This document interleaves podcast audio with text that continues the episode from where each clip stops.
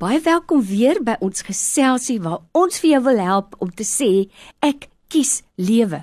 En daar's so baie opgesluit in hierdie paar woorde.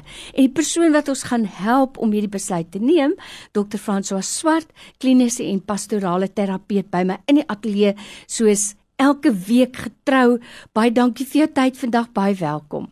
Dankie Lorraine. Vandag takel ons regtig 'n moeilike kwessie en ek is so bly ek is nie alleen nie. So Dr. François, tienerswangerskappe. Dis nou 'n kwessie wat 'n mens baie keer eintlik maar maak of jy dit nie sien nie. Jy hou maar jou oë toe en jy stap maar net verby. Maar dit is 'n realiteit in ons land en met die nuutste navorsing het hulle gevind dat meisies so jonk as 10 swanger is. Dis geweldig. Dis vir amper 'n aanklag teen ons samelewing. Die tweede ding wat uit hierdie navorsing gekom het, is dat die meeste van die tienerswangerskappe is as gevolg van 'n bekende persoon aan die tiener.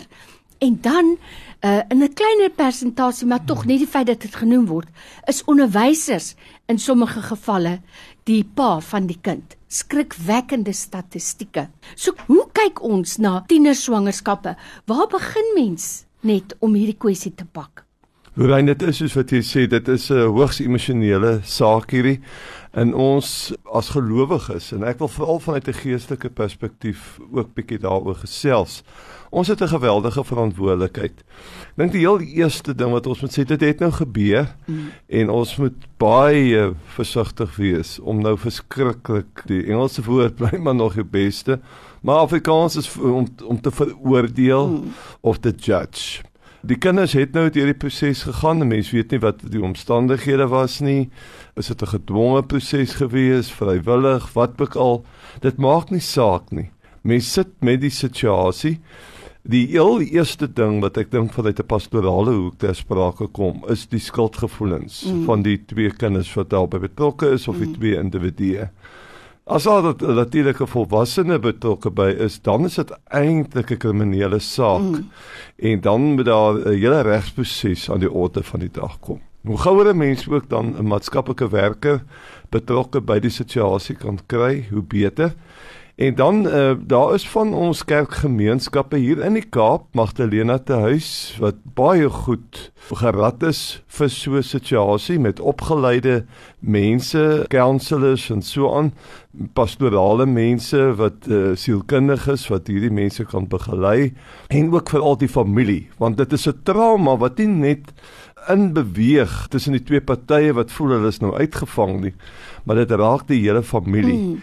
En dan is daar ook 'n kulturele goed wat ter sprake kom. Party kulture is daar die ons praat daar van die verlengde familie of die extended family, die ondersteuningsstelsel wat hierdie kind opneem, 'n oupa en ouma wat help met hierdie kind. Daar is aannemingsprosedures wat gevolg kan word. Dis daar met 'n gesprek kom verkieslik saam met 'n professionele persoon om te kyk wat is die regte pad om te loop. Maar ek wil weer terugkom vanuit 'n geestelike hoek uit. Dit is baie belangrik dat daar 'n soort van 'n closure moet kom, 'n rustigheid moet kom rondom die skuldgevoelens, daar rondom 'n gesprek moet wees en dat dit pastoraal ook afgesluit word. Dan wil ek graag die eh, beweeg ook na ons manne toe. Onthou, ons weet almal hoe werk swangerskap en dis veral ons dames wat met 'n 9 maande proses sit mm. en baie keer die primêre ouer is en dis 'n geweldige ding vir 'n vrou vir 'n jong meisie om oor te kom. En ons manne het baie keer weg vir mm. ons verantwoordelikhede. En dit is nou 'n tyd om regtig te step up soos wat die Engelsman sê en dat ons regtig bykom met ons verantwoordelikheid. 'n mens sal 'n gesprek moet hê of hulle moet gaan trou of nie moet trou nie. Dis nie altyd wenslik dat die paartjie moet trou nie. De, baie kulture voel hulle moet, maar ek dink daar moet 'n gesprek dan daaroor kom. Dis soos wat jy hoor, daar's vele kante daaraan verbonde. Ek dink 'n laaste opmerking wat ek sommer net so inleidend sou wou maak. Ons moet onthou dat konsepsie plaasgevind, daar 'n nuwe lewe gekom. Ongeag wat nou die omstandighede was, En ons moet dit ook aanvaar as 'n uitdaging en as 'n gemeenskap en uh ons moet weer met die jong mense in gesprek tree of hulle verstaan hoe werk hierdie prosesse maar uh die belangrike ding Ons kan nie net 'n blinde oog draai veroordelend wees uh, en net hierdie babatjie wat inkom in hierdie wêreld moet ons uh, die beste kans moontlik gun. Ek dink dit is ons verantwoordelikheid veral as as koninkryksmense. Jy weet François, toe ek 'n kind was, onthou ek het my ma altyd die spreekwoord gehad. Moenie te gou praat nie, jy het nog groen koring op die land. Jy ken dit seker nie. Dis reg. En ek dink 'n uh, 'n gemeenskap moet saam verantwoording neem vir ons kinders. En ek kan nou nie help om te dink eh, dis so waar wat jy sê. Daar moet gesprekke plaasvind. En baie keer dink ek, voel 'n mens Hoekom het ek nie betyds gepraat nie of meer gepraat aan die begin nie? Maar weet jy, jong mense het volg hulle eie koppe. So nou kom ek weer terug by 'n vorige gesprek wat ons gehad het en dit is baie keer veroordeel vriende, kennisse en die samelewing, die ouers. So hulle het nog boonop dit ook nog op hulle bord en hulle moet nou nog sit met hierdie. So, hoe kan 'n mens 'n gemeenskap berad om meer aanvaarding te hê? Waar begin 'n mens? Ek weet nie eers nie. Ja, ek dink uh, ons is 'n uh, geestelike radiostasie, Radio Tygerberg en ons is besig met die blye evangelie en ons moet maar weer na Jesus gaan kyk en hoe Jesus werk met mense wat wat verkeerde keuses geneem het. Ons ons dink maar aan daai beroemde gesprek wat hy gehad het met die vrou wat hy geweet het 'n tipe van lewe het wat wat nie aanvaarbaar is nie. Maar die manier hoe hy haar hanteer is hy soek water, hy lyk asof hy die afhanklike is. En op die ou end sê hy vir haar, ek het die water uh, van die lewe. En daar word vanuit die situasie, die tragiese situasie, kom, kom daar iets goeds uit. Ek dink ons geestelike leiers het 'n geweldige rol, 'n mm. opvoedingsrol om te speel, om te preek op die regte manier oor die goedes. As ons struikel, wat is die weg wat 'n mens kan volg? Daar is ook 'n uh, organisasies wat baie bekend is veral hier in die Kaap, Badisa, wat jy kan kontak. Die belangrike ding is om dadelik um, maar uh, kundige mense in te bring En om terug te kom na ouers wat nou aangeval word deur mede-ouers, hulle voel soos 'n mislukking, waar het ek gefaal in my opvoeding?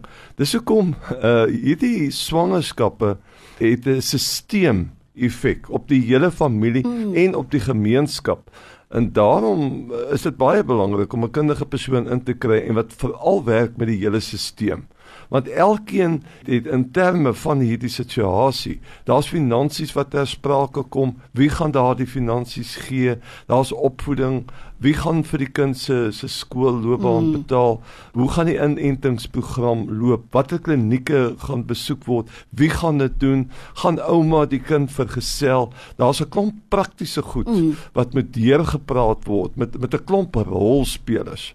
Maar regtig, ek wil kom pleit by ons as gelowiges dat ons dit wel sal sê maar jy weet mos nou hoe dit werk en dit, ons kan mos dit nou nie so toelaat nie en dan klaar kry daarmee en dan ons verantwoordelikheid nakom om die beste van hierdie saak te maak. En om 'n nuwe pad te stap by my in die ateljee is dokter François Swart. Ten slotte, wat sê 'n mens vir die ouers van die seun of van die volwasse man in hierdie saak want dikwels wat ek nou hoor by luisteraars die ouers moedig die seun aan om nie sy verantwoordelikheid na te kom nie.